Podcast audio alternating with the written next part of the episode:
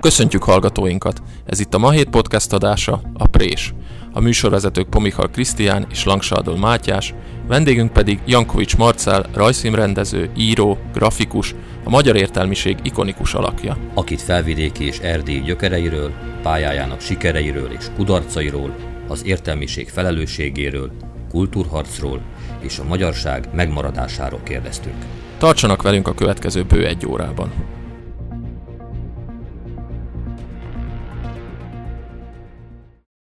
Köszöntjük a tisztelt hallgatóságot.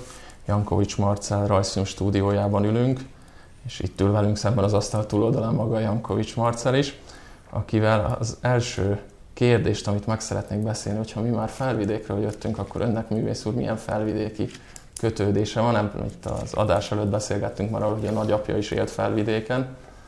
Igen, ő, ő kisfiú korában költözött föl, volt valami gyengeség a tüdejében, és a, az ő nagyapja, akit nevelt az apja helyett, Meszlényi Jenő, az Pozsonyban élt.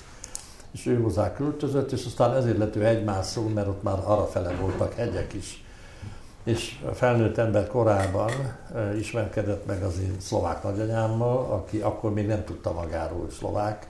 Később pedig ugye ő lett a, a Jamlinszki család egyetlen magyar ja, mert ugyanis a nagyapám miatt át, átállt a magyar oldalra. Ezt csak azért mondom el, mert ez érdekes önmagában véve, hogy Trianon mit hozott. Van egy szlovák család, amelyben például az én későbbi keresztapám nem is tudott szlovákul, és ezért az ő apja, aki azért nagyanyámnak volt a bátyja, Jaminszki Otakár, fölküldte őt árvába, hogy tanuljon meg rendesen szlovákul. Na és a, a család, amikor Trianonja megtörténik, akkor úgy tagozódik szét, hogy volt Otto bácsi, aki úgymond nagy szlovák lett, mert ő belőle lett Komárom vármegye zsupánja, nagy dolog volt. Fedor bácsi, aki egy helyes ember volt, tökéletesen beszélt mindenki magyarul, mondom sem kell. Fedor bácsi egy kis múzeumot vezetett Bazinban, ő csinálta, mérnök ember, bányamérnök volt, amúgy is dolgozott a Monalia minden területén, és volt Ilona és Márta, akik viszont lengyelek lettek, a, a szlovákság ellenére, mert ugye az édesanyjuk félig lengyel volt, és a mamától sokat tanultak lengyelül. De hát szóval ez az érdekesség, ugye történelmi érdekesség, hogy ez hogyan alakul, hogy én bennem egy, van egy természetes nyitottság ebben a történetben, sőt, a keresztapám, aki végül is nem lett a keresztapám, mert akkor fölbuzdult már a magyarok ellenében, ugye úgy alakult a történelem, és az, hogy magyar gyerekeket nem tart keresztvíz alá, tényleg így volt, úgyhogy helyette más valaki lett, de ő vele később volt köztünk levelező kapcsolat, és még találkoztam is vele. Kifogástalan helyesírással írt magyarul. Ügyvéd volt Besztercebányán. Uh-huh és van 90 éves kora körül halt meg. Egy jó család volt a Jaminski, mert nekem arról már szokták dörgölni, ha Pozsonyban vagyok, hogy hát Jan Jaminski, ugye a nagy színész, aki olyan az ottani Nemzeti Színházban, mint itt a Simkovics volt, még mondták is, hogy, hogy arra én hasonlítok, ő a keresztapámnak volt a unokafivére, és elhurcoltak egy domborművéhez, ahol én megtekinthettem. És hát tényleg hasonlít? Hát csak a, ker, a, ez a bizonyos a lakatszakár uh-huh. Mhm. forma miatt egyébként, de jó képű ember volt, nem szégyellem mondjuk a rokonságot. És még van egy szál, hogy én kicsi gyerekkoromban apám, ugye, aki azért erős, ő is pozsonyi születésű uh-huh. volt, és felnőtt korában lett budapesti lakos, ide, ide házasodott. Ő a, családot, amikor közledett a front, akkor fölvitt a csalók közben, hát akkor az magyar terület volt ugyan, és a csalók közben Szenc mellett volt Nagyborsa, és ott Igen. volt az én Otto bácsimnak egy, egy ilyen nyári lakja, és ott voltunk az első nyáron, és amikor már nagyon közelek volt, közel voltak az oroszok, akkor följebb vittek Bazinba, azon a abból a megfontolásból, hogy az oroszok a szláv területen kevésbé lesznek uh-huh. agresszívek, és ez valóban valószínűleg így is történt, bár az elmesélt történetekből nem látni nagyon a differenciát. Ezek szerint vannak emlékei a nagyapjáról? Aki Hogy nem, nagyapám az 49-ben halt meg, és én ugye 41-es születésű vagyok, ez annyit jelentett, hogy 45 után az apám nagyon család szerető ember volt, ezért nem tiszidáltunk akkor ugye még nyomannak hívták volna, de megvolt a lehetősége, hogy Dél-Amerikába menjen az egész család, megúszta volna a börtönt. Viszont akkor én nem az lennék, aki vagyok, és én ezt mondjuk a saját történetem szempontjából nem bánom. Őt nagyon sajnálom, mert a börtön meg... Hány évig volt, a börtön, hány évig volt börtönben? Hát hat évig volt, de az életfogytélere volt itt élve, és azért engedték ki a hatodik év után, mert tulajdonképpen a forradalom alatt jött ki, és agyvérzéssel. Tehát már akkor ő, uh-huh. már, hogy úgy mondjam, szörnyetegek voltak, hogy bent tartották. Hát ártatlanul volt elítélve a tetejébe. Na mindegy, és a, a, a 45 után az volt a gyakorlat, hogy minden vasárnap a nagypapához mentünk. Hát ja, ő Budapestre költözött a Bécsi igen, döntés után. Igen, igen, így van. Azért 20 esztendő Pozsonyban, mert uh-huh, 39-ben átköltözött, mikor kiderült, hogy a Bécsi döntésnél Pozsony nem jön, hanem marad, hát akkor ő azt mondta, hogy elég, hát mindegy, mind három gyereke itt élt már Budapesten. Laktam is, hát akkor már ő nem él, csak a nagyanyám, laktam is, amikor ő börtönben volt, akkor én a, abban a lakásban laktam, ahol a nagypapám élt korábban. Egy korábbi interjújában egyébként arról is beszélt, hogy nem csak ugye felvidéki gyökerekkel rendelkezik, hogy felvidéki vonatkozása van az életének, hanem Erdély is. Erdélyi kapcsolataim azok a rendszerváltástól vannak. Hát én nem, addig nem mentem Erdélybe. Érzelmi okokból nem mentem, hogy a divatba jött viszonylag hamarabb, hogy oda járnak fiatalok, de én azt mondtam, hogy nem bírom elviselni. Ceausescu időszakban oda járni, az nem, nem tetszett nekem, és a, a anyai nagyapám a székely, de ő se teljesen tiszta, mert félig örmény, az ő édesanyja örmény. Tehát én nagyon vegyes vagyok, még tiroli osztrák is van benne. Úgyhogy Lehet, nem... hogy innen jön a hegymászó, bocsánat, a hegymászó affinitása a nagyapjának, vagy az nem, egy másik ága De az tény, hogy Tirolt imádta, uh-huh. és, és sokat is foglalkozott. Volt egy, egy tiroli szabadsághős, Napóleon ellen harcolt, tulajdonképpen gerilla volt, és a nagypapának az egyik hőse. Ez uh-huh. a ez a Hofer, And- Hofer András, így hívták, és rengeteg régi illusztráció volt. Kossuthtal voltunk kitönve, és ugye emellett jutott Hofer András is. Na most igen, nekem, eh, eh, hogy úgy mondjam, Erdély messzebb van, tehát az egy igazi nagy fölfedezni való világ volt. Most már azt kell mondanom, hogy szinte az egészet bejártam. És még ott van az egy kicsit a, a délvidék is, mert a, ha valami oda visz engem, és találkozom akár horvátokkal, akár szerbekkel, rögtön azt mondják, hogy te milyenk vagy. Szóval nem, a, nem az a, a izé, hogy ez elmagyarosodott, hanem szeretnének vissza, és visszavenni, és én nekem ez tetszik. Szóval én, én igazából minden olyan agressziót, ami történt a történelemben, azért tartom megbocsátatatlannak, mert személyesen ezeket át lehet hidalni, át lehet rajta lépni, és a, a, ennek végül is alapvetően tényleg a magyarok voltak a legnagyobb vesztesei, ez nem vitás. Van egyébként ilyen Kárpát-medencében olyan ö, tájegységvidék, ami az önszévének a legkedvesebb?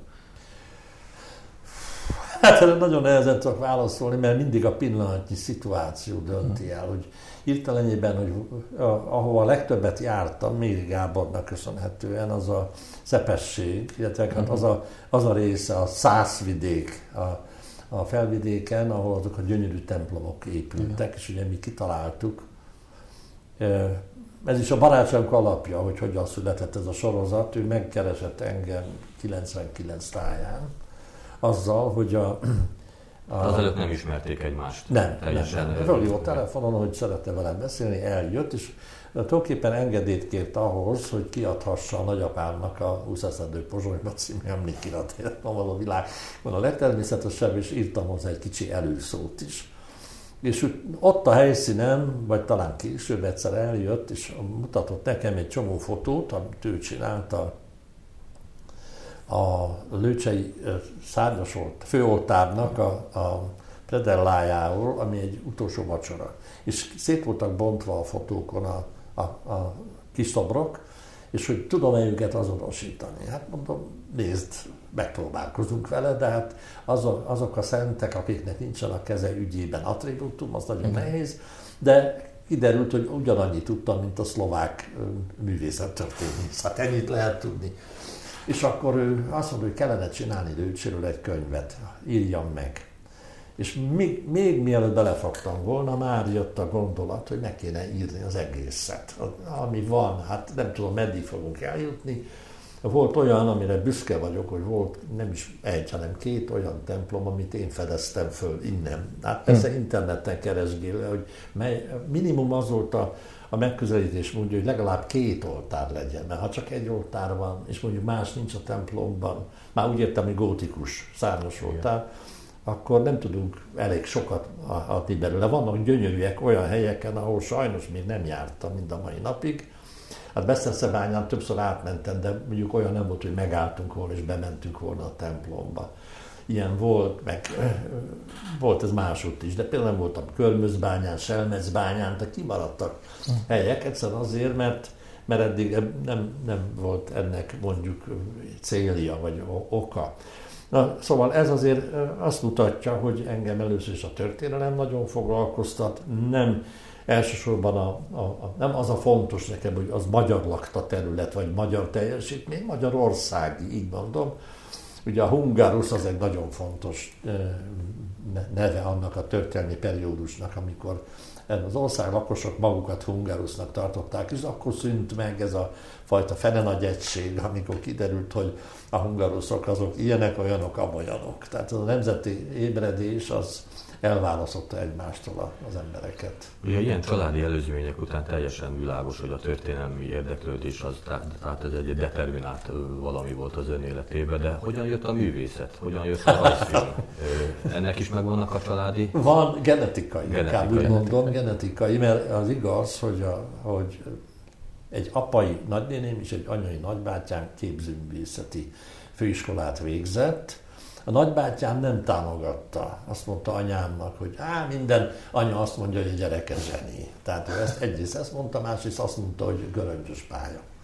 Nagybátyám nagyon jó kézügyességgel megáldott ember volt, de valahogy nem a művészet felé, hanem mondjuk úgy inkább az alkalmazott irányba ment. Ennek részint a felesége volt az oka, mert pénzt kell keresni, és tényleg viszonylag békében, leszámítva a hadifogságot, mert őt utcáról vitték el a nyomorultat, mint civilt nem is volt katona, elmúlt már egyben. Mennyire igaz az a legendás az a történet, hogy teljesen véletlenül segédmunkát, segédmunkásként került először ja, a Pannonia, igen. igen, a Pannonia Én igen, az kétségtelen. Vagy, vagy tudatosan készült erre a pályára? Nem készültem én semmilyen pályára tudatosan, örültem, hogy, hogy úgy mondjam, luk van, luk van a fenekem. Hát nem vettek föl semmilyen ez egy, egyetemre, hát pontosan az első egyetemi felvétellel építésznek készültem, ez lett volna az ambícióm. Ugyanis a, éppen a két pálya, a nagynéném és a nagybátyám egyik sem csinált művészkarriert, hiába végeztek ilyen, ilyen egyetemen vagy főiskolán. A, az volt a, a, a érzésem, hogy ha valami hasznos területet kell. Tudok rajzolni, az építészet az olyan, amiben én haszonnal tudom csinálni, amit csinálok. És a, nem vettek föl, természetesen azért, mert az apám börtönviselt volt, és akkor elmentem segédmunkásnak egy olyan helyre, egy ilyen társasági ismerős lánya ajánlotta nekem, hogy ott dolgozik ennél a cégnél. Én nem vettem igénybe a személyes kapcsolatot, de a címet megjegyeztem, és nem is a főbejáraton, ahonnan kellett volna mennem, hanem a hátsó bejáraton, a kapura ki volt írva, hogy hogy anyagvizsgáló laboratóriumban van felvétel. Bementem, és ennek köszönhetem, hogy tényleg, tényleg van sorszerű abban, hogy a dolgok hogyan, hogyan zajlanak. És a, az az egyik ember, aki egy, egyébként egy jogot végzett, még él, 90 fölött van erősen, 27-es születésű, szoktunk időnként telefonon beszélni, ő amatőr bábfilmes volt, később aztán professzionista munkákba is bekeveredett a rendszerváltás táján. Bedolgozott a Pannóniába akkor, vagy? Nem, ő nem, ő kapcsolatban áll. Ja, csak így. Mindenki, akit érdekelt az animáció, akkor még nem így hívtuk, de az animáció, az a... Hogy kap... hívták? Hát trükkfilm volt, meg bábfilm volt, meg rajzfilm volt. Nekünk ezek már teljesen idegen. Igen, trükkfilm, az, az különösen. Ha dolgozom, ezek angol szavakat használnak. Tehát is rövidítésekben beszélnek, tehát én nem is tudom, hogy miről van szó. Én vagyok a rendező, meg kell, hogy fordítsák le. Nem az angolt, hanem a rövidítéseket. Na, és, a, és az történt, hogy az illető hogy kapcsolatban állt velük, És én pedig a, valahogy erre már nem emlékszem, rájöttek, hogy én tudok rajzolni, és nem ő, hanem a, a labor vezető főnöke, a Becker Pista, akkor 30 valány éves fiatal bácsi nekem, ugye 18 éves fiúnak, mondja, hogy addig nem kell azt csinálnom, amit csinálok, hogy nagyon vacak munka volt. Tulajdonképpen ilyen anyamozgató segédmunkás uh-huh. voltam egy telepen, aki a francban, Budapest határán, ahol most lakótelepek vannak, és esős időben bekerültem, és ott viszont pedig lehetett dolgozni, ez érdekelt engem, hogy Esztergapadon, Marópadon kell, meg kellett tanulnom rendesen reszelni, és voltak olyan gépek, ezek voltak az izgalmasabb tennivalók, ilyen mágneses repedésvizsgáló, tartós folyásmérő, a sárpiféle lengő kalapács, olyan műszer. Ezek így megmaradtak önben, bocsánat. Meg, Vickers féle keménységmérő, ezekkel megengedték, mert egy érettségizett gyerek voltam, tudtam használni a lovar, logarlézet, le tudtam írni a számokat, ami, tehát használhattak ilyen dologra is, és közben kiderült, hogy tudok rajzolni, és akkor azt mondta nekem a Becker Pista, hogy addig, amíg mindenkit le nem rajzolok a laborban, nem kell más csinálnom. És hát csináltam egy rakásrajzot, mondjuk nem volt ez a sok idő, három-négy hét, és volt, amiből több példány készült, volt, aki örült neki és elfogadtak, rólam készült rajzot, volt, aki közölte nem kell neki, megvannak, ami Ezt akartam pont De valamilyen alapképzettséggel rendelkezett rajta? Nem, nem, ez a örökség, genetikai örökség. Hát azt tudom, hogy a Pannonhalmi Bencis gimnáziumban érettségizett. Hát ott is rajzoltam, ott... de nem, ott, nem, ott sem neveltek rá, vagy nem. tanítottak. Tehát ilyen szakképzőkörökben vagy nem? Nem, semmi. nem, nem. Az, én voltam a, a fali újságos. Az azt, meg, meg minden, ami, a, ami az iskolában kellett csinálni, ilyen grafikai díszítményt, azt velem csináltatták és a, a kolostorban is a, a, papok között is volt olyan, aki kérte, hogy egy akvarel csináljak az ő kis verséhez, meg volt az apám börtöntársa, aki egy fontos ember volt az életemben, Kovács Jenő Arisztid, ő alapította a Halmi gimnáziumot, és hát egy apámnál jó tízessel idősebb, ez a 1890-es évek nemzedéke és ebben a baráti, vagy ebben a nemzedékben voltak olyan képzőművész barátai, akikkel engem összehozott. Hogy nem annyira, hogy engem mutogasson, hanem hogy én lássak. Uh-huh. Ilyen volt többek között Molnár C. Pál, akinek ugye van vallásos tárgyú Feszti Masa, akinek volt szintén vallásos tárgyú műalkotása, nem is egy. Varga Nándor Lajos, aki az én nagynénémnek volt a tanára, a budapesti képzőművészeti főiskolák grafikai tanára. Ez szó mint száz, ez nagyon sok segítséget jelentett, és ő komolyan vett engem. És a, a segített abban, hogy ne rúgjanak ki Panamamáról, mert én renitens gyerek voltam. És ez miben nyilvánult meg? Hát mondtam egy csúnyát, és azt eljutotta az igazgató fülébe, és akkor azt mondta, hogy egy fekete bárány vagyok, az ilyenek távoznia kell. De a csúnyaságot olyan, olyan mértékű volt, hogy kibírja a rádió is, hogy szétrugom a pudvás segget. Nem olyan tragikus. Ezt kibírja. Igen. De egy osztálytársam. Attól függ, kinek mondta a tanárnak, vagy egy diáktársának? Diáktársának. Hát, ez, az teljesen kosarazás közben, és a, meghalott egy apáca, mert a, ott nyitva, nyitva voltak az ablakok, ahol a, a szolfés oktatás ment. És éppen nem ment a zongora, és ő meghallotta ezt és azonnal rohant az igazgatóhoz, és az igazgató el, előtte is hogy úgy mondjam, pikkelt rám. Szóval hogy megérezte rajtam, hogy én vagyok a, a szörnyetek, aki tönkretezi az iskolát, és, és a Ariszidatja mentett engem meg. Hát az egy dráma lett volna, ha engem kirúgnak. Tényleg. De rendben, végül is minden kikerekedett, és akkor, akkor közben csináltam természetesen. Ő meg, ja, és megszűnt igazgató lenni. Nekem eredetleg matematika és fizika tanárom volt, és már akkor is volt köztünk összetűzés. Én azt hittem, hogy én gúnyolódom vele, mert mindegy, szóval. De nagy, megírtam, ezek megvannak a, a Légiratok című vastag könyvemben. Úgyhogy a, a rajzolás ott inkább csak gyakorlást jelentett, és a, az egy speciális dolog volt, hogy a, a, az érdeklődésem nem igazán hajlott, az, nem is tudtam, hogy van ilyen, hogy rajzfilm de, de hogy volt egy, egyetlen egy olyan gyerekújságot Magyarországon, ami külföldi volt és színes és tele volt rajzal, ez a, a Lumanité nevű kommunista napilapnak a melléklete volt, amit Vájannak hívtak, Vitéz, és aztán PIF néven ment később tovább. És ez, ez három forintért lehetett kapni egyetlen egy helyen a városban, és anyám azt mondta, hogy kisfiam, hogyha hajlandó vagy elmenni érte gyalog, akkor rendben van, hát hogy, hogy a, a buszköltséget a város nem a másik végén volt, de mondjuk hosszút kellett oda-vissza sétálni. De ez nem ilyen szakmai, bocsásson meg, szakmai érdeklődés volt a lap, lap iránt, inkább csak gyerekként a hát, színes volt rajzok. benne némi szakmai, volt? mert voltak uh-huh. benne jó rajzok. Uh-huh. És ugye engem a rajzolás az teljesen elbűvölt három éves korom óta, szóval én én nekem ez egy predestinált voltam rá. Ez egy karikatúra volt? Szatirikus lap, karikatúrák? Vagy? E, képregények. Képregények. Mindenféle stílusban, de én a, nagyon vonzódtam a karikatúrához. Először is, mert a nagypapámnak a könyvtáram nálam vannak ezek a simplicissimusok, a 900-as évek elejétől az első háború végéig bekötve megvannak. Ezek egy bajor folyóirat volt a Simplicissimus, és a, azóta a, izgalmas benne, hogy ez egy viszonylag liberális világ volt Bajorország.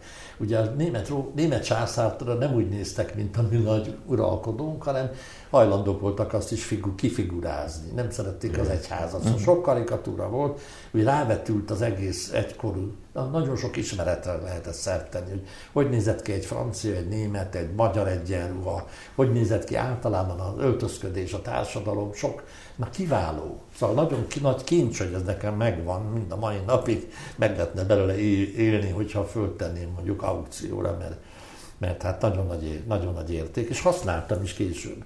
Tehát nekem ez egy nagy segítség volt, amikor ott laktam, effektíve a nagypapa eh, lakásában, akkor ez egy napi izé volt lapozgatni. Tehát ez mindig fontos volt, és az indulás, ami mondjuk ilyen érzelmi, meg mondjuk első löket, az, az volt, hogy a, a 46-ban, vagy talán 46-ban, de lehet, hogy 47-ben sikerült a apámnak annyi tőkét összegyűjteni, hogy a renoválja a lakást. Hát belő, belövések voltak, ugye a vérmező uh-huh. szemben a vár alatt laktunk az Attila utcában, és a, amikor ez megtörtént, nekem szabad volt, a, mielőtt a festők elkezdenek dolgozni, a falakra firkálni mindenfélét.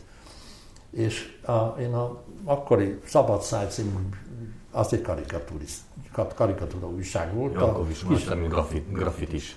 Igen, hát az tulajdonképpen az volt, politikusokat rajzoltam ki, ez egy kisgazdapárti lap volt. Az a tojásfejes legenda, az igaz a igen, Rákosiról igen, és a tojásokról? Én szoktam mesélni. Igen, nem fordult elő sűrűn, de tény is való, hogy a tojásfej. Ilona néni, aki a szlovák Ilona nagy, nagy nénikém, az, nagyon te, az is tehetséges volt, gyönyörűen festett, ő egy tolókocsiba kényszerült nő volt, és neki volt egy gyűjteménye tojásokat fejként használva, fölöltöztette őket. Nagyon bájos kis gyűjtemény volt, a nagyanyámiknál ezt én láttam. És amikor ugye a, kiderült, hogy ki lesz a főnök, ugye Rákosi Mátyás, hát teljesen tojás feje van, hát rárajzoltam a tojást, és akkor kitalálódott, hogy amikor hozzájutottunk, nem volt minden reggel tojás, természetesen mondjuk hetente egy tojás talán, akkor rárajzoltam a tojást, mikor már megettük, és akkor fejbe lehetett csapni. Na hát ez egy családi élmény volt, és ugye ezzel összefüggött az, hogy aztán én azt is hittem, hogy apámat amiatt tartóztatták le, mert én ezt csináltam. Tehát még bűntudatom is támadt ebből. Na mindegy, és a, a, a családi elismerés az egyrészt a nagynéném részéről, aki szemben a nagybátyámmal nagyon komolyan vette, végig kísérte, ameddig élt, végig kísérte az én szakmai pályámat. Fiatalon halt meg, nem egészen 60 évesen, de van egy Gusztávom tőle, amit ő megcsinált babában például. Ugye Gusztáv az én figurám volt. Igen, igen, igen. És nagyon helyesen, helyes. Ő volt az, aki azt mondta, hogy göröngyös út a művész élet? Nem, az a nagybátyám. Az a nagybátyja. A nagybátyám volt, aki nem, hát lehet, hogy igaza is van. Szóval nem... Erre akartam, erre akartam ennyi, ennyi év után. Göröngyös?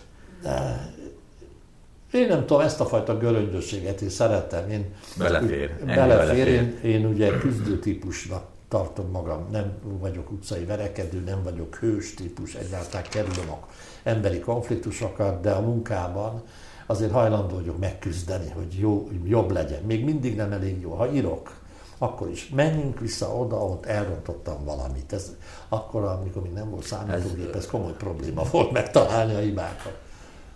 Kollégákkal való küzdelem, ez, vagy, vagy belső vívódás? Nem, ez inkább belső. belső. Nem, szerintem hát őket kéne megkérdezni, de én szerintem kollégákkal én viszonylag jó. Most van egy kis botrány az Eszenyi Enikő körül, Igen. amit nagyon aljas szerintem, szóval tényleg politikai hátterű a dolog, hogy ő ilyen meg olyan meg amolyan vezető. Én nem hiszem, elhiszem, hogy, hogy hogy lehet, hogy volt olyan, amikor ugye olyan hangot ütött meg, vezetőkre néha jellemző, hogy nem. De hát én inkább... Elvárt is valahol talán, igen, haladásért. vagyok. Szóval én abban, most már öreg vagyok, hogy öreg haverként is a tekintélyem abból él, nem abból, hogy hogyan viselkedem, hanem hogy mit produkáltam az életben, és hát ez elég színes Úgyhogy ezt lehet vállalni. A politikára egy picit még, ha majd nem bánja, visszatérünk, de akkor ott, ott fejeztük be, hogy felfigyeltek a Pannonia, Pannoniában tulajdonképpen a rajztudására, a rajz tehetségére, de hogyan lett ebből János Vitéz, Sisyphus és a többi nagy sikerű, mert ez, ez, ez még mindig nagyon messze van, ez, nagy Igen, de ez, egy, ez már mítosz nekem is, mert az a problémám, hogy, hogy, hogy nem is értem. Nem is értem. Szóval az ember eltelhet magától, hogyha rácsodálkozik valamilyen munkára, én milyen jó sikerült, de ugyanakkor nem, nem érzékeli. Ugye nekem mondták ezt, amikor én viszonylag fiatalon voltam még ott, tehát az első években, hogy teljesen véletlen volt, hogy bekerültem. Először is ugye kiderült az életrajzom, meg kellett hamisítanom, hogy fölvehessenek. Ez már önmagája egy olyan akadály volt, hogy egyfolytában olyan csodával határos, hogy vannak jó emberek, akik, ő a, ő a személyzeti főnök, meg a, a, meg a saját osztályvezető főnököm, hajlandó azt mondani, hogy hamisítsuk meg az életrajzodat. Hát ez baromi nagy dolog volt abban az időben, és a Kossuth kérdeztem meg a, a Matolcsit, az öreg Matolcsit még él, 30-as születésű még él. Mondom, most már bevallhatom. Szóval ez tényleg egy érdekes oldala az ügynek. A másik pedig, hogy, hogy általában elvesztek a rajzaim, meg azt mondták, hogy nem jók. A, a, amit kellett próbarajzot csinálnom, és a próbarajz nem volt jó. És a, ennek ellen valaki benyúlt a szemétkosra, azt nekem ez a fiú akkor is kellene. Hát ezek valódi emberi csodák, hogyha ezek tényleg így történtek, és nem túlozzák el. Most ahhoz képest is borzasztó hamar emelkedtem föl, tehát én ugye bekerültem 1960. szeptember 19-én, ez meg lehet jegyezni ezt a dátumot, ez legalább olyan fontos, mint a szüzetség elvesztése. Úgyhogy... Éppen 60 éve volt akkor most. Hát igen, igen, most lesz 60 éve, igen. Szeretném megélni. És a, a, a 63-ban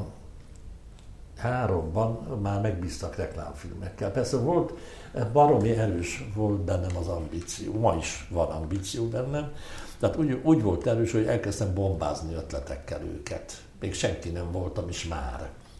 Ugye Magyarország nagy hatalomnak számított ebben az iparban, ugye? Hát akkor még nem. Ez akkor... nagyjából, a, nagyjából az én előmenetelemmel párhuzamosan uh-huh. zajlott. Ugye azt mondták, hogy a 60-as évek.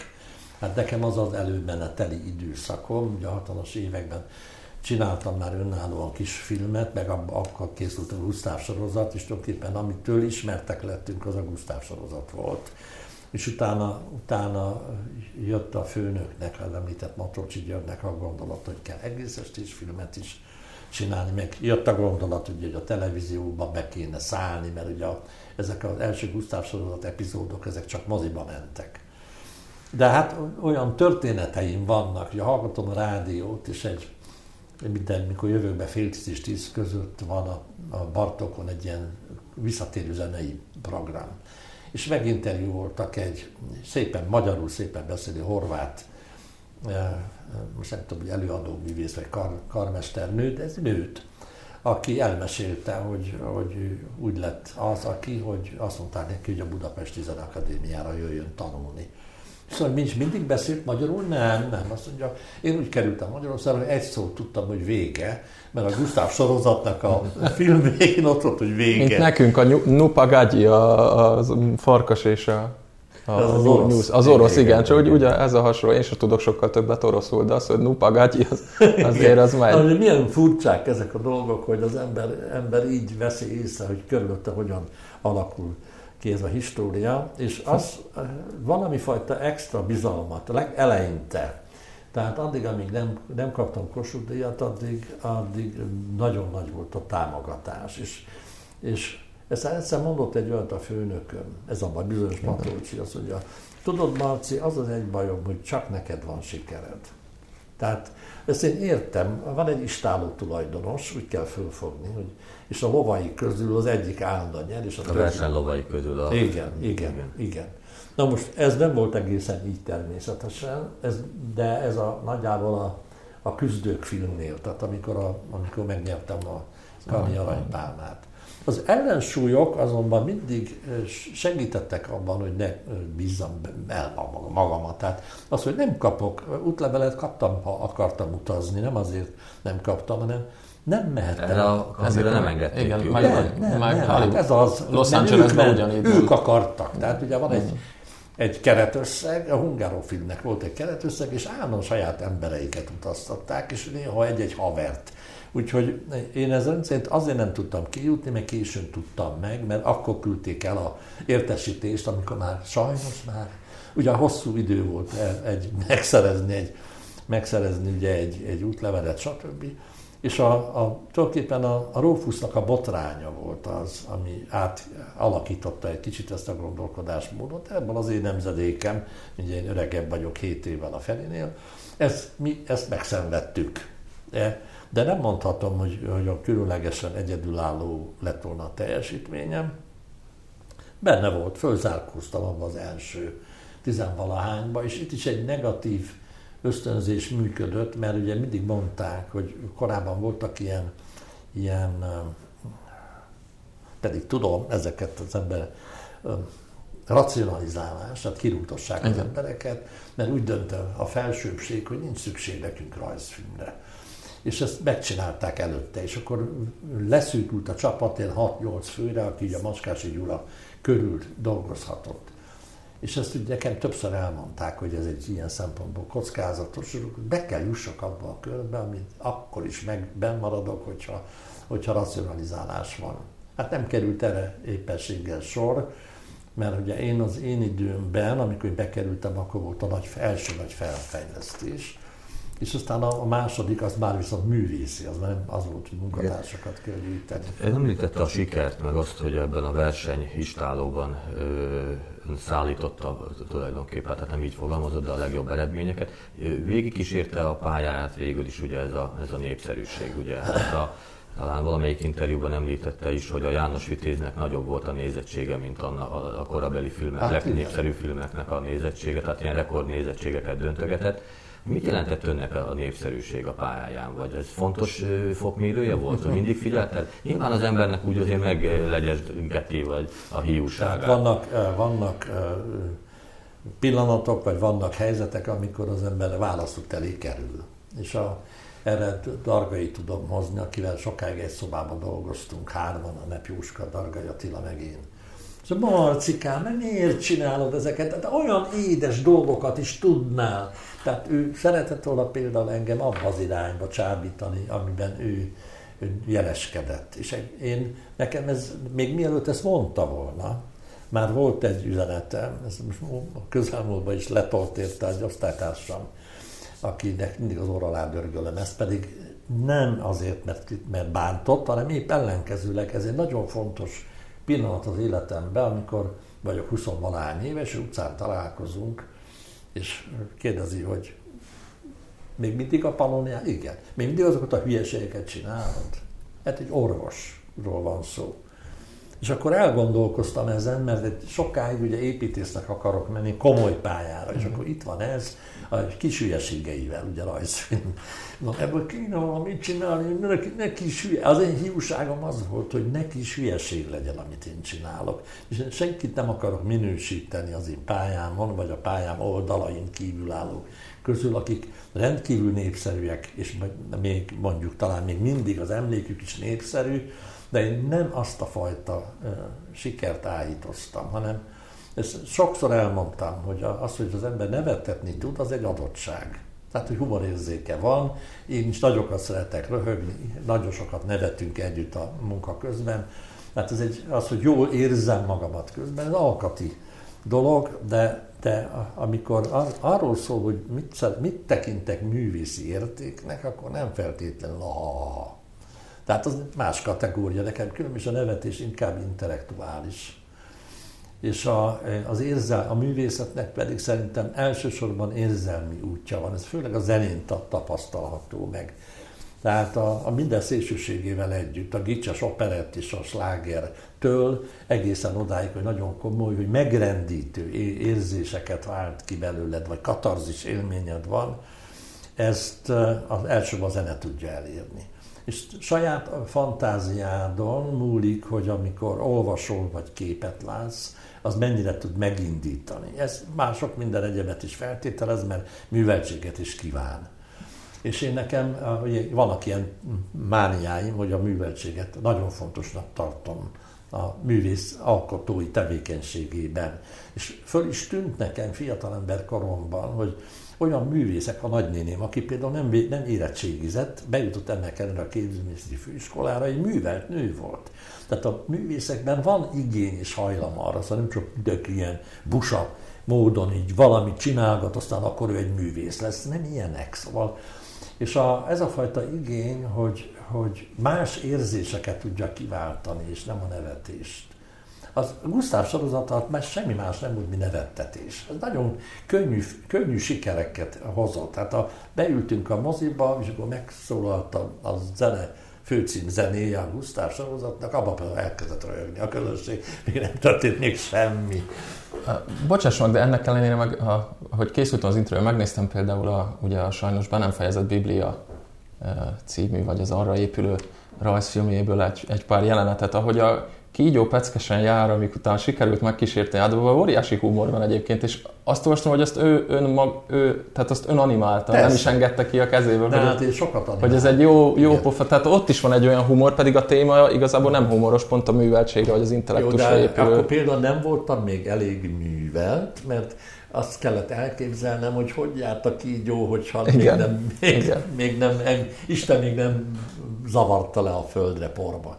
És a, most már tudom, mert az Egyiptomban vannak olyan falképek, írok egy könyvet tudni a Bibliáról és bibliai jelképekről, és a, a, találtam olyan falképet, ahol a kígyó lábakkal és kézzel visz valamit az oltárhoz. Tehát, hogy a, egyszer az antropomorfizáció az egyiptomi művészetben általánosult, és a, a zsidók hat tetszik, hanem mindent. Nem mindent, de a, a, mondjuk úgy a tippek nagy részét az egyiptomiaktól, és a másik felét Mezopotámiától kapták. Na most ebben viszont nekem az volt a feladatom, hogy kitaláljam azt a, hogy hogyan lehet megtanítani, Igen. vagy meg, megmutatni egy kígyójárást úgy, hogy a lábnak használja a, azt, ami nem láb. Na hát ez persze, tehát, de a, a, szerintem a Biblia filmben rengeteg érzelem van, és nem csak.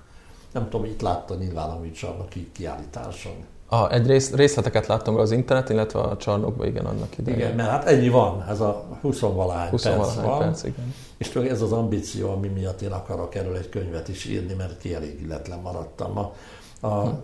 Ez a másik egyik jelmondataim között az egyik fontos, hogy, a, hogy a, az embernek valami hátránya éri, akkor azt próbálja előnyi lefordítani. Hát ha nem sikerül megcsinálnom filmet, de baromi sok energiát öltem bele, ráment 7-8 éve, rengeteg anyagom van, rengeteg könyvet vettem, bibliai tárgyúkönyvet, csináljunk belőle valamit. Ha nem egy film, akkor csinálunk belőle másodat. Hi- hiányérzet maradt önben emiatt? Ugye itt egy ilyen külön történet van akkor, hogy hogy hiúsult meg a rendszerváltás környékén. Hát, ez a én... történet maradt de... önben hiányérzet, vagy esetleg harag? Akár. Nekem benne mindenféle van, de el vannak nyomva, vagy, mm. vagy, vagy szőnyeg alá vannak söpörve, vagy mondhatnám azt is, hogy annyi elégtétel élt, ért, hogy ha ez a másik elmondatom, ami ki volt írva a, a műcsarnokban, hogyha mindazt megcsinálhattam volna, amit nem csinálhattam meg, akkor nem tudtam volna megcsinálni, amit megcsináltam. Az ember élete véges. Hát a, számolni kell azzal, a hiába valóság az nagyon ide, az borzasztó. Uh-huh tud fájni. Utálom a, a, a időpazarlást, tehát hogy állni egy busz megállóban és várni, hogy jöjjön a busz, közben nem lehet semmit sem rá lehet gyújtani, csak én nem vagyok, do, már nem vagyok dohányos. Tehát a, a, ez a fontos dolog az idő például. Nekem nem az, nem az idő pénz, a pénz is idő, szóval nekem az idő nagyon fontos. A főnök Matolcsi, aki mindenek ellenére, hogy volt köztük számtalan vita, még most öregen is jó, jó egymásra gondolásunk, és ő mondta azt, hogy én a töredék idő kihasználásának a világbajnoka vagyok. Szóval azt az egy percet, ami ha éppen olyan helyzetben van, akkor azonnal. A feleség, megyünk valahova, fölállok a számítógépről, és látom, hogy még húzza. Mennyi, csin, csin, hm, még nem indul. Na jó, hát akkor folytatom. De ihlet is jön ilyenkor? Tehát a, mondjuk a nagy műveinek, vagy az ötletek érkeznek ezekbe a töredékidőkbe, vagy ne, hát ez nem ez úgy elveszik. Jellemző, hanem éppen az a helyzet, hogy ő akkor szokott kitalálódni, amikor már menni kéne, és akkor viszont még nem akarok. Ja, így. Legalább annyit kell rögzítenem, hogy, hogy tudjam, hogy holnap, vagy akkor, amikor időm lesz rá, akkor azt hogyan, hogyan csinálja. Bocsánat, hogy kérdezzek még egy valamit a rajzfilmekről.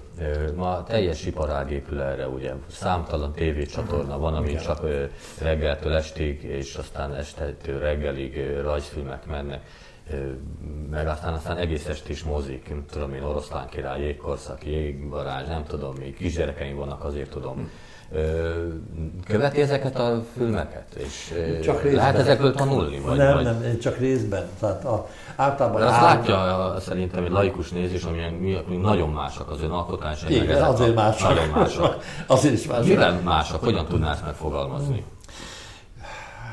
Hát belülről indul. Tehát, hogyha én nem divatot követek, belülről indul. A Toldi, mondjuk ez egy jó példa, ugye ezzel dolgozunk most, és a, az a stáb, amelyik nekem dolgozik, kiváló, nagyszerű emberek, és a kivitelező rendező, mert egyedül nem bírnám már, Csákovics Lajos, ő az, aki, aki itt van reggeltől estig. Én jövök ide 10 óra körül, és elmegyek délután háromkor mondjuk, de ő csinálja, viszi a hátán, ő is ebben a produkcióban dolgozott, oda mutatok a Ruben Brandt. Igen. Az készült e, e, itt ebben, az, ebben a térben, ez, ebben a stúdi, bér, bérelt helyen, stúdióban, és a, a Ruben Brandt produkciót megnéztem, mert ez egy ismerkedési alkalom is volt, hogy eljöttem találkozni azokkal, akik majd nekem fognak dolgozni, és láttam, és a, egészen más. Mikor megkérdezték tőlem, hogy, hogy mi a véleményem, mondom, nagyon jó, de én ilyet nem csinálnék. Szóval itt, itt ez a kérdés, hogy az ember tudja-e, hogy ő most ezt mintának tekinte, tekintse, vagy nem. Most a belül indítás az azt jelenti, a Toldi esetében ugye volt egy kiírás, amiben azt szerepelt, hogy a minden szövegnek el kell ha, ha, hangoznia, egy-egy epizód, egy-egy ének 13-18 perc hosszúságúnak kell lennie, és XY mondja a szöveget. És ebből semmi nem stimmel, mert mondtam, így nem vállalom. De ez föl sem merült, hanem úgy adtam be a pályázatomat, hogy, hogy 7 és 10 perc, közben végén csak 10 percesek lettek az epizódok, nem az a színész mondja, számon is kérték, nem a nagyfőnök, ugye a nagyfőnök alatti egy majdnem olyan nagyfőnök megkérdezte, hogy és miért nem ő lett? Mondom, azért, mert nem alkalmas rá. Ö, bocsánat, ja, ön válogatta össze a, a, a színészeket? Hát akik... nem, volt egy, egy úgynevezett casting, most már így hívják. igen, igen. És a castingon ugye volt 20 valány fiatal ember, kifejezetten azért hoztak fiatalt, ugye meg Miklós is fiatal, igen. meg Arany is fiatal volt, és erre kiderült, hogy a 45 éves Széles Tamás lesz erre az mhm. alkalmas, aki minden szerepbe be tud bújni, mert olyan, és nekem én, én gondoltam ugyan rá, de nem úgy, hogy ő biztos. Ő volt az ember tragédiában Ádám. Uh-huh. Mert azért Ádám is mondjuk a Toldi szövege nem olyanok, hogy a történet elmondása nem ugyanaz. De a legfontosabb az az, hogy a szöveget meg kell húzni. Arany egyébként egy sok helyen téved, sok helyen botlik az a, az a fele nagy tehetség, hát még csak 29 éves, hát miért legyen tökéletes. És ugye vannak benne tárgyi tévedések, ugye nem egyértelműen tévedés, de hogy Budapestnek hívja valaki, uh-huh. a, a, a, ő már mondhatta, bár ez érdekes, ugye ez nem, nem sokan uh-huh. gondolnak rá, hogy 46-ban volt olyan ember, aki Pest-Budát Budapestnek mondja. Tehát, hogy befolyásolta a, a történelmet, hogy azzal, hogy ő ezt így hívta, hogy akkor azt mondják, hát még Arany János is, ugye egy 20 évvel később lett Budapest, vagy hát 30. hogy Arany János is úgy gondolja, hogy Budapest, de rendben van, de hát Nagy Lajos idejében ilyen nincs. Igen. Tehát ezért kellett is. Meg van egy más, másik szempont is, hogy a szövegmondás ritmusa az nem azonos a képi megjelenítés ritmusával. Hát Arany felsorolja, hogy milyen madaraktól fosztogatott tojást a, nádasban, de hát akkor csak annyit tudtam volna megmutatni. Itt sem tudtam többet, de nem azért, hanem azért, mert annyi minden cselekmény van, és rengeteg ötlet jön, és ugye a, nekem volt egy irányom, hogy előtte illusztráltam a Toldit Méri Gabi felkérésére, és ezért volt bennem már eleve egy kialakult gondolatkör, ami abban a, a kettős, mert egy, egyfelül egy naphíroszi alak, az van a illusztrációban, másfelől egy kamasz fiú, és igen, ez utóbbi érdekelt uh-huh. a mhm. filmben, hogy ez, ez olyan gyerekek fogják kötelezően megnézni, ugye megúszszák vele az elolvasását is, hogy a Tambe tragédiánál ez egy fontos szempont volt, hogy le lehetett érettségizni az én filmemből. És akkor mégis a két és fél óra, és nem tíz nap, míg végre átkínlódnak az egész anyagon. És a, a, azt mondom, hogy nekik szól, akkor olyan hőst kell választani, akikben magukra ismernek egy kicsit. Akkor is, hogy a negatívumai vannak. Mert az el fogja vinni, hogy milyen erős. Az imponálni fog nekik, hogy hű, de fasz a srác ez, bocsánat, de, de klassz srác ez, de a, ugyanakkor pedig a, azokat a hibákat. Gyengeségeit, igen. igen arra nevelő hatású lehet, hogyha ezt átlátják, mert Arany mond ilyeneket, hogy az a szörnyű gyermek. És hogyha ma egy srácnak azt mondja az a apja, hogy te szörnyű gyermek, hát a, a gyerek összeomlik. Tehát ez nem árt, hogy, hogy más szerepben lássa a saját szörnyűségeit, hogy, hogy állati irigy. Hát irigy a mátyára. Most ez más dolog, ugye, hogy nem szeretjük Toldi Györgyöt, meg karikírozzuk, ő például egy humorforrás, klasszikus humorforrás. Arra nem csinál belőle akkora viccet, mint amekkorát én csinálok de inkább, mint hogy agyon verjék, szóval inkább legyen humorforrás. De hát irigy, és ő is akar, mi minden, minden ide nekem, ide az oroszlánt is, és akkor meg mama függő, úgy, mint manapság, már 30 éves Igen. pasik is abból él, otthon ülnek és várják, hogy a mama megetesse őket, szóval... Akkor egy lázadó kamaszra számíthatunk, Igen. ugye? Igen. Mikor van valamilyen végső határidő? Van, december. December. December, meg is leszünk. Bocsánat, ez csak az első toldi lesz, vagy a szerelme és az estéje is? Uh-huh. Én uh, ugye elkészült, ez volt egy akadálya annak, hogy én ezt bevállaljam, hogy a időközben elmúlt Gémes József barát kollégám, ő csinált egy gyönyörű toldit a az amikor a 80 éves, de az egész 80-as években volt, ugye? Igen, igen, 84-ben. Aztán. És kivitelezését tekintve tényleg nagyon látványos volt és hatásos volt, de de szerintem túl volt terhelve. Uh-huh. Túl sok minden volt belezsúfolva, és hát mindegy, szóval egészen más, más dolog, és szerintem ennyi elég lett volna. Neki mondták annak idén a főnökei, főnök mondta, hogy nem kéne, az csak annyit, nem, nem, mindent, Jó. Na most em, emiatt is, úgy, ez egy tapasztalat, hogy látom, hogy az az irány, ahova visz, és akkor nekem más irányt kell keresnem. Ez önmagában egy izgalmas dolog, hogy eltelik 30 év, és akkor 30 év, ez csinálunk egy remake de az azért egészen más. Igen.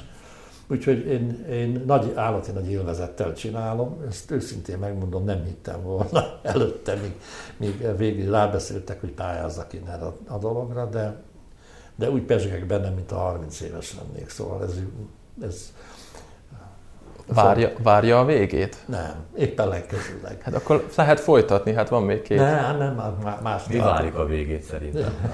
a közönség. Igen, igen, a más kell csinálni. Szóval ez a, lenne is éppen gondolom terv, de nem az a momentán a, a, attól fáradt vagyok, hogy még valami befogjak. Uh-huh. Hát 80 leszek jövőre. Írni fog? Bocsáss meg. Semmi. Írni fog? Vagy, vagy hát jöhet csinál, még egy... kell írnom a Bibliát, de, uh-huh. de van, egy, van egy, egy terv, egy elképzelés, ezt, ezt Szörényi Levente Rasta Mária nevű producerével együtt akarják, hogy csinálni meg az István a királyt. Igen, rajzfilmben. igen. Ebben eh, ez egy nagyon, rábolintottam, tehát én azt mondtam, hogy igen, de hát lesznek, ugye ez fix, nem lehet rajta változtatni. Én nekem viszont Szent Istvánról más egy kicsit, a, uh-huh. tehát én sokkal pozitívabbnak látom. Ő is egy kamasz. ebben a történetben, és ez rendben van, tehát igen, csak ő az a kamasz, aki, aki már akkor jó volt, amikor még nem volt király, tehát szóval nem lennénk itt. Ilyen egyszerű. Mondjuk nem egy Toldi Miklós kaliber, hanem, hanem az első számú magyar az én életemben. És ráadásul még egy, egy fikasz más sincs, mert ugye a, a, a Árpádházi királyok mind nagyon vegyes vérűek voltak, tehát annyit lehet tudni, hogy a Gyula, az a valószínűleg az is a valamilyen magyar törzshöz tartozott, tehát magyar volt, és feleségül vett egy német nőt, és ez nem tett jót mondjuk neki, de de azért akkor is fantasztikus király volt. Volt egy sorozatom, ami még talán nem fejeződött be, csak közben meghalt több munkatársa, azért szünetel, a Magyar Szentek és Boldogok. Ez egy ismeretterjesztő sorozat, és ebben Szent Istvánról én három, e, ez a súlya, hogy három uh-huh. epizódot csináltam, Szent Lázorról kettőt, ami mutatja, hogy az is fontos még nekem, és a, utána még egy valaki kapott egy teljeset Szent Erzsébet, szóval ők a három, három olyanok, akiket én nagyon sokra tartok. Hát vannak még, ugye akartam egy rajzfilm sorozatot, nem is én, Mikulás Feri, a Kecskeméti stúdió vezetője, a 2000. év táján beadott pályázatra, amikor én a, a Csodaszarvassal pályáztam, egy sorozatot az Árpádházi királyokra, és akkor engem megkért, hogy írjak egy forgatókönyvet, és én harmadik Bélát választottam, mert én borzasztó sokra tartom. Ő róla mondta negyedik Béla, hogy a nagy. szóval ő volt a Magnus a Bélák között. És azért választottam őt, mert semmi rajzfilmszerű nincs benne. És mondom, ki, megnézzük, hogy mit lehet ebből kihozni. És az eltelt az idő, nem lett belőle semmi, és a, mondtam a Ferinek nem olyan régen, hogy hát 5-6 éve, hogy Feri hát kéne ebből csinálni valamit. Azt mondja, hát csináld meg. Hát megint én, hát. Na, és nem volt uh, már affinitásom hozzá, úgyhogy keveset nem figyeltem oda eléggé, úgyhogy nem vagyok vele megelégedve. Elmegy, tehát mondjuk nem, uh-huh.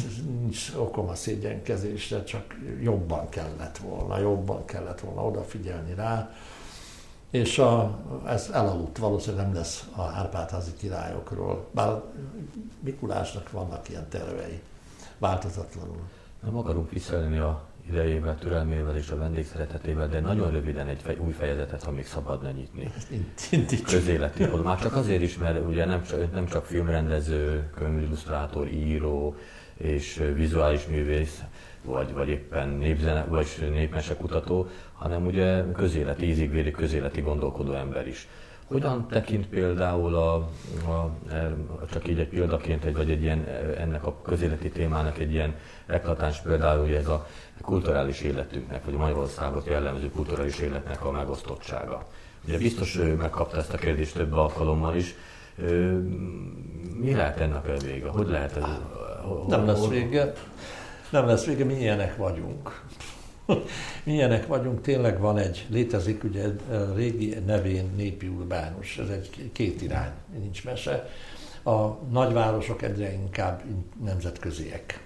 Itt nem lesz visszafordulás annak ellenére, és olvasom a Demokratában a, a Bencsik Andrásnak a, a úgymond beköszöntőjét, vagy vezércikkét arról, hogy a globalizmus hozza nekünk a világjárványokat a világ globalizálódik, nincs mese, akármilyen rossz irány ez, ez a, ez a tendencia. És hát ennek mi is részesei vagyunk, és mondjuk előbb utaltam egy rövid ideig az Eszenyi Jenikő helyzetére, a, a, ő, aki pedig alapvetően ahhoz a világhoz tartozik.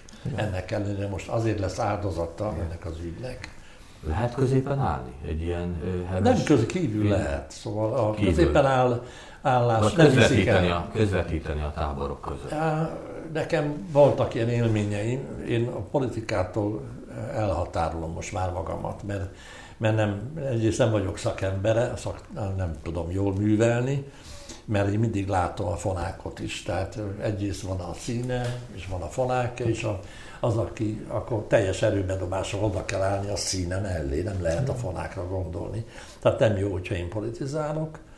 De akkor is el... Ez az, bocsánat, ez az elhatárolódás, akkor ez tudatos, vagy abból fakad, hogy kevesebbet is kéri ki a véleményt, nem, kevesebbet is kérdezik? Vagy egyik a másiknak a következő. Nemet, nemet is ma. Mondok egy példát konkrétan, ugye volt egy, ebből egy kifejezett botrány, szerű szituáció volt, amikor a, a, a Magyar Művészeti Akadémia elnök választása zajlott. Az utolsó percig nem mondtam meg nekik, hogy én visszalépek. A, a, Miközben ő már tudta, hogy visszafog? Hát persze.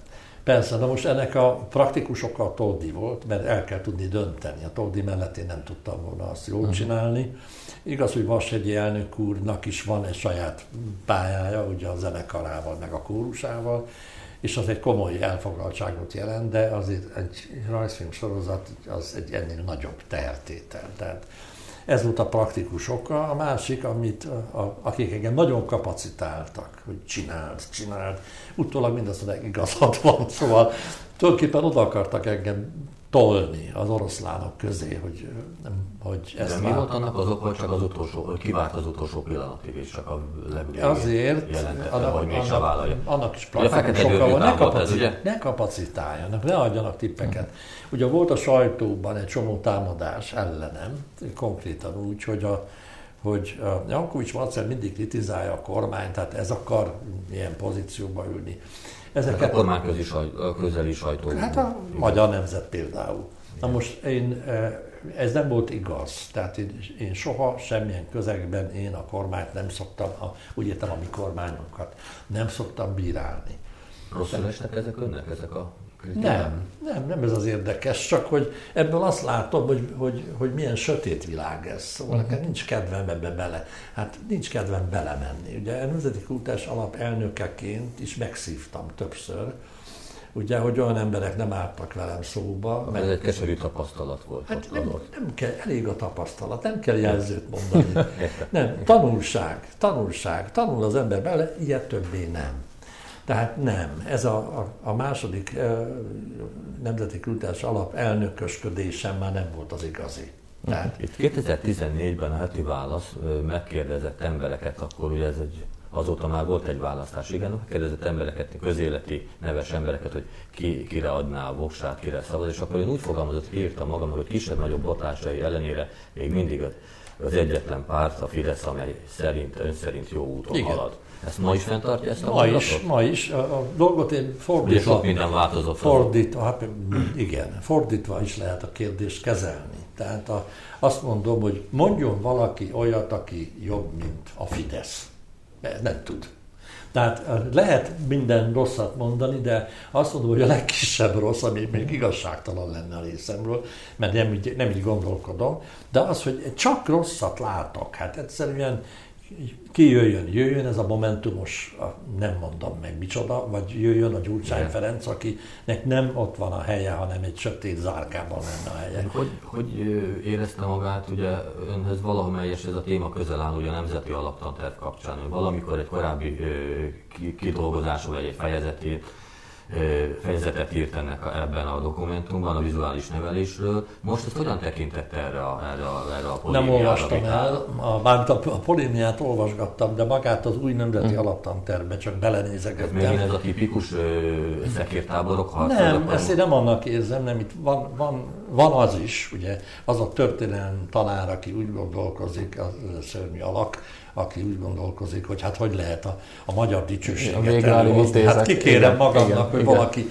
mindenáron, mindenáron negatívnak akar minket ábrázolni a fiataloknak, hogy ő jöjjön rá, hogy mi milyenek vagyunk. Hogyne. Szóval a, a, ez, de nem, nekem alapprobléma, szóval nekem, én más sikon vagyok vitában. Tehát amikor valaki a kompetenciát, ezt megírtam, a, nem egy fejezet volt, írtam egy könyvet, aminek az egyik fő témája a Nemzeti Alaptanterv kritikája volt. Ezt egyszer fölvállaltam, ahhoz képest van javulás, no de az, hogy, hogy, hogy egy, egy tanároknak szánt könyvben olyan szavakat használjanak, amik ne, nem értenek az írók sem, a olvasói sem. Tehát az attitűd, meg a, meg a kompetencia, meg a, meg a, a motiváció, ezek vannak magyar megfelelői, és azok rögtön közelebb kerülnek a dologhoz, ugyanis a képzésről van szó. És a képzésben benne van a kép szó és ehhez képest ugye mondanak olyan idegen szavakat, ami nem, ugye nem tudom lefordítani a képre, hanem egyszerűen nem arról szól. Tehát egy egészen másfajta mentalitás. Másik.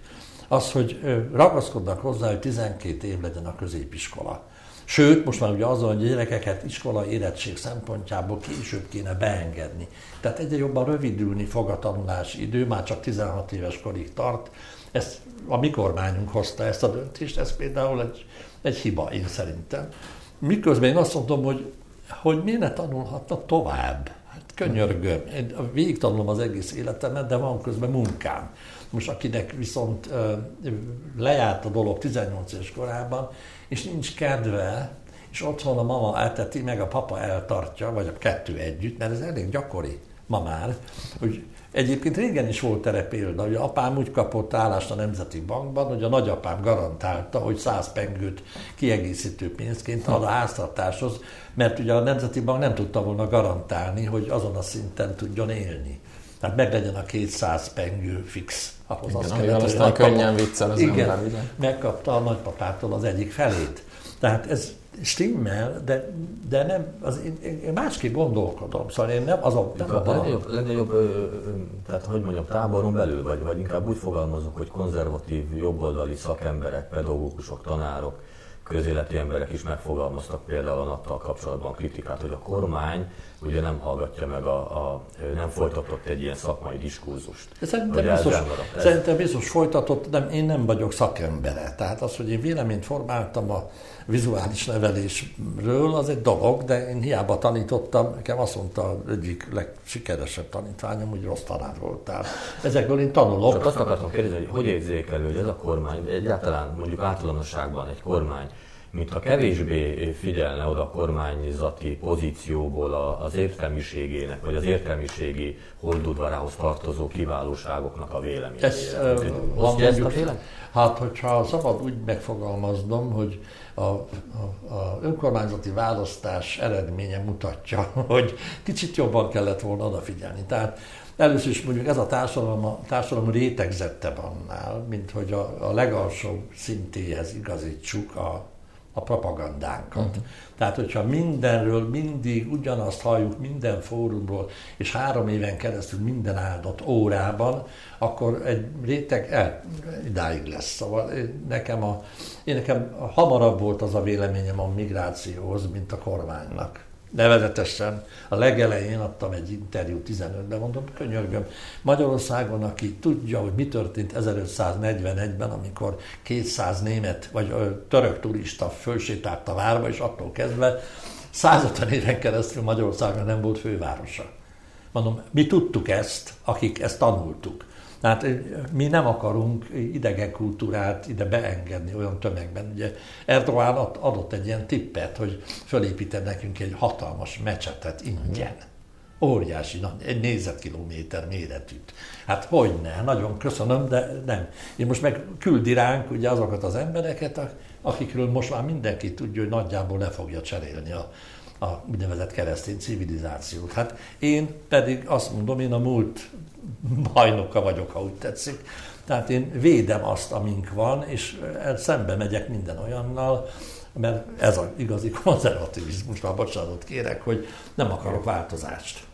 Bocsánat, a, a műveibe, műveivel is képviseli ezt a, ezt a szellemet, ezt én a krédót, amit most, vagy van egy ilyen tudatos, magukat képviselik inkább? Hát én, én a, Az, hogy magyar témákhoz nyúl, például a, történelmi hát, témákhoz, igen, keresztény én, témákhoz. Én, én nem szeretek, nem szeretek lózungokat mondani. Uh-huh. Tehát ebbe is belekényszerülök most lózungokat mondani. Bocsánat, igen, néhány. De nem, és nem szeretném, nem szeretném kisajátítani olyan területeknek, mert van véleményem, csak nem bántani nem akarok fölöslegesen pozícióban levő embereket sem, inkább jókat akarok mondani másokról, mint rosszakat. Tehát, de a, a, persze csóválja az ember néha a fejét, de egy rakás dologban például abszolút elébe is megyek. Volt ez a, a Trianon könyv.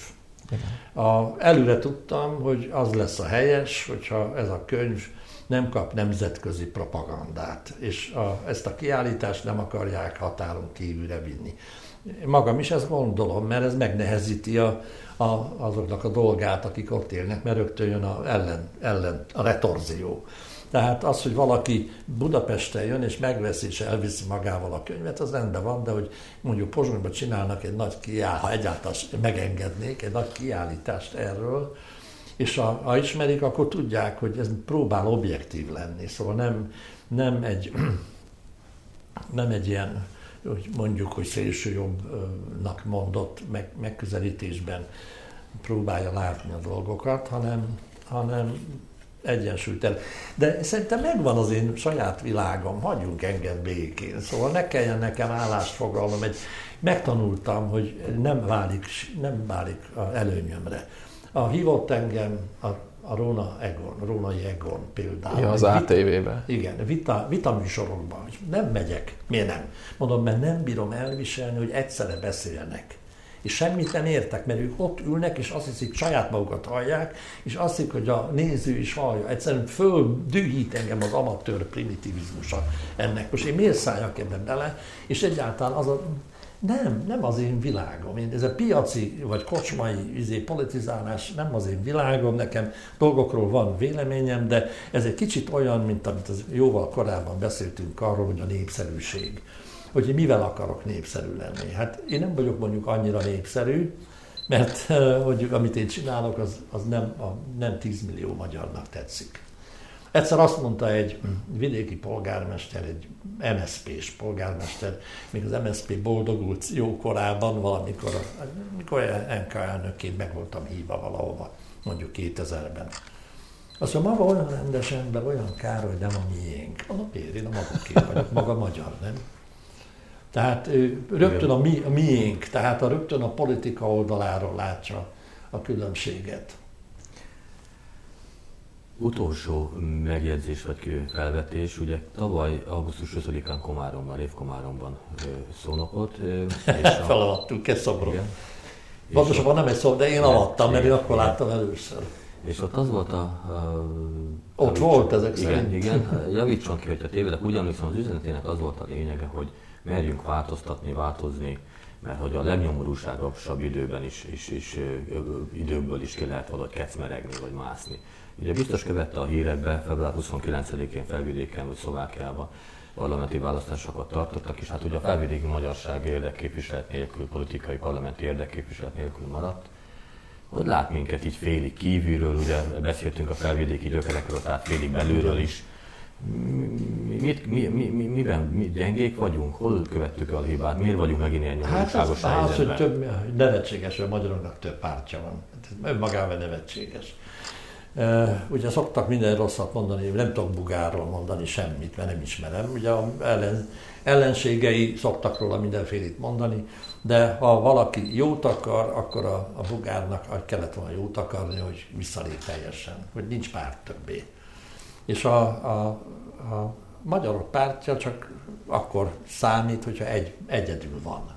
Akkor sem biztos, hogy bejut, mert az látni viszont, hogy a, az érdeklődés nem volt olyan nagy. Ez a magyar pessimizmus viszont, ez a történelmi pessimizmusból fakad, hogy már legyintenek. Legyintenek. Az, hogy, hogy fogyunk, ez is egy ilyen fajta legyintés. Már nem érdemes. Volt olyan kollégám, aki megbánta persze öregen, hogy nem lett gyerekük. De azt mondta, hogy hogy ezek, ebben a világban nem szabad gyereket csinálni, meg gyereket szülni. És ott az egyetlen, egyetlen fegyverünk az, hogy gyereket csinálunk. A, nekem nagyon sok olyan élményem van, amiből én sokat tanultam. Gyaraltunk a feleségemmel Cafstadban, ami Dubroviktól is délre van. Ez albán terület és de akkor ezt persze honnan tudtam volna, csak felismerem persze a szerbet, hogyha be, szerbül beszélnek, és ott nem ezt hallottam, és fiatal emberek a strandon, és kérdeztem, hogy maguk milyen nyelven beszélnek. Azt mondja, albánok vagyunk, és kiderült, hogy odavaló albánok. És rögtön átment a dolog politikába, és az, hogy mi, meg, mi győzni fogunk, ez a miénk lesz, mert mi nekünk vannak gyerekeink. Uh-huh. És az egyetlen, ez az egyetlen fegyverünk. És ugyanezt mondták a zsidók is, amikor ugye a második világháború után Izrael megalapították. Ezt mondták, hogy gyerekkel ahhoz, hogy Izrael mondjuk ezt a területet ki tudja tölteni. És hát a magyarok pedig ugye beletörődtek abba a dologba, hogy nekünk lejárt a történelmi óránk. Én meg nem akarom, hogy lejárjon. Jó lehet, én is érzem, hogy sajnos valószínűleg ez lesz a történelemben, ugye nincs tekintettel a, nagy, a nagy felsőbség arra, hogy kivel mi történik, mindenki ma a magáért felelős. Tehát a magyarok a saját sorsukért felelősek. Olvasok egy, egy trilógiát, most a vége fele járok már, Nemes Suri Vodiáner Zoltán írt egy, egy három kötetből álló könyvsorozatot, a 1500-as évek, ami végülis a bocskai fejdelemségbe fog torkolni, Bátor István. És ez a, tulajdonképpen az az utolsó kötetnek a címe, hogy Alkony. És hát erről szól, hogy kipusztított ország közepén marcangoljuk egymást továbbra is. Tehát van király Magyarország, meg van, van Erdély, van, és a, á, csak pusztulást lehet látni. Ebből is ki lehetett jönni. Jó, de ez mindig olyan egy kicsit, ugye Toynbee, aki nagyon nagyra értékelek történ- angol történész, ő egy ilyen furcsa képzetnek gondolta hit még a fejlődésben, ami már régen nem hiszek, és abban vannak ilyen kis megállások, mint a hegymászásban időként meg kell állni egy ilyen... mondjuk egy meg, Igen. És én meg ezt fordítva érzékelem. Szóval ez van, ez van, ezt kéne kitolni. Hát, hogy ereszkedünk lefelé. Igen, igen ezt kéne kitolni, és én az ind, vannak, van vicces történetem, levetítettem a Csodaszarvas filmet a Patrona Hungári iskolában, ami egy egyházi lányiskola, és nem diákok voltak, hanem tanárok voltak, fiatal férfiak és nők civilben. Megkérdezték tőlem, hogy mi a, menteni meg az országot. Csináljatok gyereket! Apácák voltak és papok. És persze volt nagy kacarászás, de akkor is igazam van, sajnos, hogy Igen. egyszerűen ez az egyetlen, egyetlen út, mert az albánok győztek Koszovóban, és ezzel győztek. A, nekem azt mondta az a rabbi, aki a Biblia sorozatomban segített, hogy miért nem azt csináljátok, amit Izraelben csináltuk, hogy fölvásároltuk a földeket. Mondom, én tudom, a románok ezt csinálták annó Erdélyben, hogy fölvásárolták a földeket, de nincs Magyarországon olyan pénz, ez jóval a rendszerváltás előtt voltunk. Tehát most is fordítva van, ugye azt mondja nekem egy erdélyi animációs fiatalember, hogy hogy minden valamire való széke átment már Magyarországra, hogy tele van a, tényleg a kulturális vezérkar széke. Ez az erdélyi maffia, hogy emlegetik hát igen, ez, az, ez egy, de nagyon jók. Szóval igen. ez tagadhatatlan, hogy állati jók, szóval ott olyan erő van még mindig, ez a, a tiszta forrásnak lehetne mondani éppen. De mi az, ami ott megvan, és mondjuk akár itt Magyarországon, mondjuk az anyaország kifejezést én nem szeretem, meg pontatlan is, akár a felvidéken nincs meg, mert nálunk sincs meg, mi sem érezzük ezt, meg itt sem lehet érezni. Magyarországon még Székelyföldön talán még igen. Mi, mi hiányzik ja, itt, és mi van ott? Messze vannak Európa. Európában uh-huh. van azért valami bűnös asszony, szóval Babilon. Van valami bűnös asszony, ami, ami rontja az ellenálló szellemet. A székelyek ugye Erdélyen belül is különállók voltak. Hát állandó, állandó fölkeltek. Hát saját magukat írtatták ki végül is, ahogy lehet mondani. De ez egy fantasztikus ilyen ősi erő az, ami, ami Ugye hát én egy híg, híg magyar vagyok, ugye mondaná német László az én megyességemre, persze. De hát az egy nagyon tanulságos dolog, hogy mire képesek, hogy amikor, amikor össze kell szedni magukat, és tényleg marha jók. Szóval tagadhatatlan. Hát további jó munkát és alkotókedvet kívánunk a Toldihoz. Mielőtt elsírom magam és nagyon szépen köszönjük. Köszönjük szépen, művész úr, hogy a rendelkezésünkre, hát megtiszteltetés volt.